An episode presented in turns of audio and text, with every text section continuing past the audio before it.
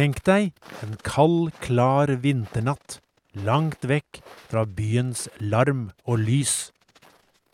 Det er mange grader under null, og snøen lager den knaselyden under føttene som bare tørr, kald snø kan lage. Så løfter du blikket opp og tar det spektakulære synet innover deg. Nattehimmelen er dekket med tusener på tusener av stjerner. Klare og skinnende stråler de, slik de har gjort det fra tidenes begynnelse. Gjennom tid og rom taler de til oss om helter og legender fra en fjern fortid.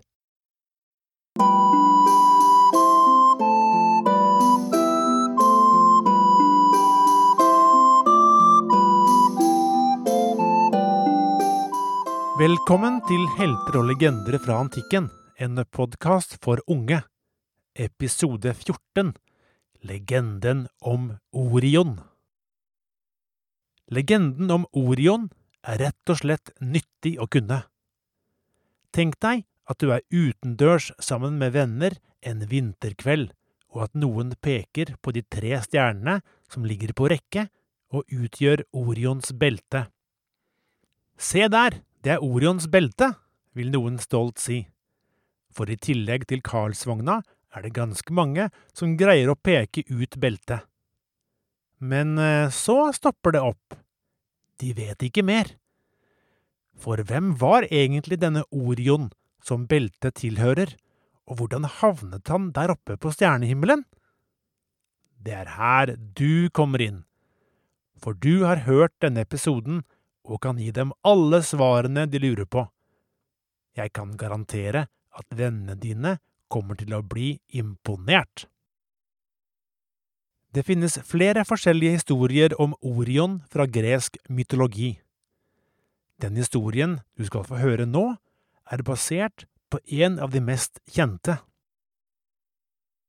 Vi befinner oss langt tilbake i tid, i en tid da guder, halvguder og andre overnaturlige vesener påvirket verdens gang, og kunne gripe direkte inn i menneskers liv. Poseidon, den mektige havguden og bror av gudekongen Zeus, er ofte å se. Han setter stor pris på å være i selskap med kvinner, og han er opphav til mange barn. Svært mange barn. Et av dem er Orion, som vokser opp til å bli en høy og kraftig bygget mann, nesten en kjempe. Han er muskuløs og utholdende og liker seg ute i villmarka. Det viser seg snart at han har et usedvanlig talent for jakt på ville dyr, og Orion tilbringer mye tid ute i skogen, hvor han jager og nedlegger villsvin, hjort, harer og andre dyr med godt kjøtt. Men eh, han jakter også på rovdyr, som kan være en plage for de som holder husdyr på gårdene sine. Blant Orions favorittvåpen finner vi en bronseklubbe, som må ha vært umåtelig tung. Orion er ikke bare sterk, han er også kjekk å se på og populær å være sammen med. Men det som virkelig skiller han fra de andre, er at han har evnen til å gå på vannet. Når faren din er selveste havguden, er dette kanskje ikke så merkelig. Nå vet vi litt om Orion. Legenden kan begynne. En dag går Orion over Egerhavet til øya Kios, hvor det bor en vakker kongsdatter ved navn Merope. Vi må tro at hun var vakker og attraktiv, for etter kort tid blir Orion hodestups forelsket. Så forelsket er han at han skaffer seg jobb hos kongen, som jeger. Orion er usedvanlig dyktig i jobben, og det går ikke lang tid før alle rovdyr på øya er drevet vekk. De som har geiter, sauer og andre husdyr, er veldig fornøyd. Siden Orion nå har et arbeid som gir ham tilgang til de kongelige eiendommene, får han også komme nærmere inn på kongsdatteren. Orion blir enda mer overbevist om at Merope er den rette, hans utkårede. Han tar mot til seg, oppsøker kongen og ber om Meropes hånd. Men eh, kongen avviser ham bryskt. Han er ikke det spor interessert i at datteren hans skal gifte seg med en simpel jeger. Han sender Orion vekk. Orion blir fortvilet av kjærlighetssorg og skuffelse. Smerten han føler i hjertet sitt, er ikke til å holde ut. Han får tak i en mengde sterk vin og heller innpå, helt til han er kraftig beruset. Fordrukken og ikke seg selv oppsøker han med rope i hennes soverom og tvinger seg på henne. Dette er absolutt ikke hva kongsdatteren vil, men Orion er sterk og pågående. Når Orions ubudne besøk blir kjent for kongen, blir han rasende. Han legger en snedig plan for å straffe den overivrige jegeren. Planen går ut på å gi Orion en drikk som gjør at han sovner, og så lemleste ham på grusomt vis. Som sagt, så gjort. Kongen skaffer den bedøvende drikken, som kjempen heller i seg uten å være klar over effekten. Snart er Orion bevisstløs. Kongen sniker seg bort til ham med en skarp gjenstand, en kniv, og stikker øynene hans ut. Blindet og hjelpeløs kastes Orion i havet. Når han kommer til seg selv, blir han dypt fortvilet. Sjokket er ubeskrivelig. Ikke bare er han nektet ekteskap med Merope, han har også mistet evnen til å se. Der det tidligere var våkne og skarpe øyne, er det nå to blødende sår. Orion stavrer seg over havet og kommer til øya Lemnos, hvor han oppsøker hjelp fra gudenes våpensmed. Smeden råder ham til å reise så langt øst som det er mulig å komme, til han møter solguden Helios. Orion har ikke annet valg enn å følge rådet, og ved hjelp av smedens tjener finner de til slutt solguden, som imøtekommer Orions ønske om å få øynene og synet tilbake. Nå er det tid for hevn. Orion haster tilbake til Kios for å konfrontere kongen som blindet ham.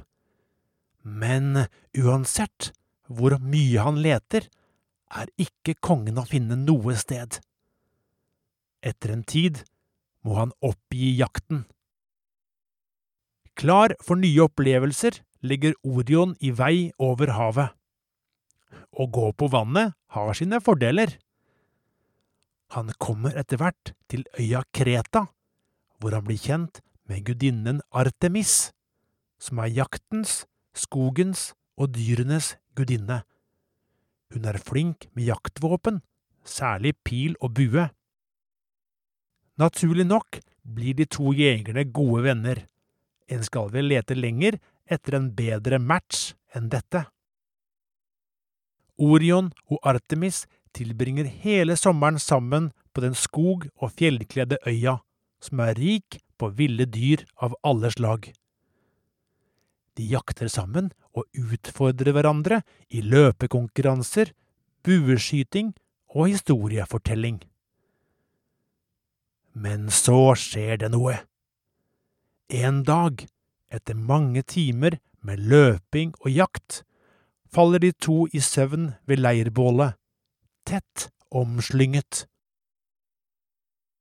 Mens de sover, kommer Artemis' tvillingbror Apollon forbi.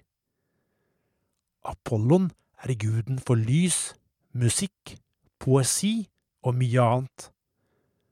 Han er veldig knyttet til søsteren sin.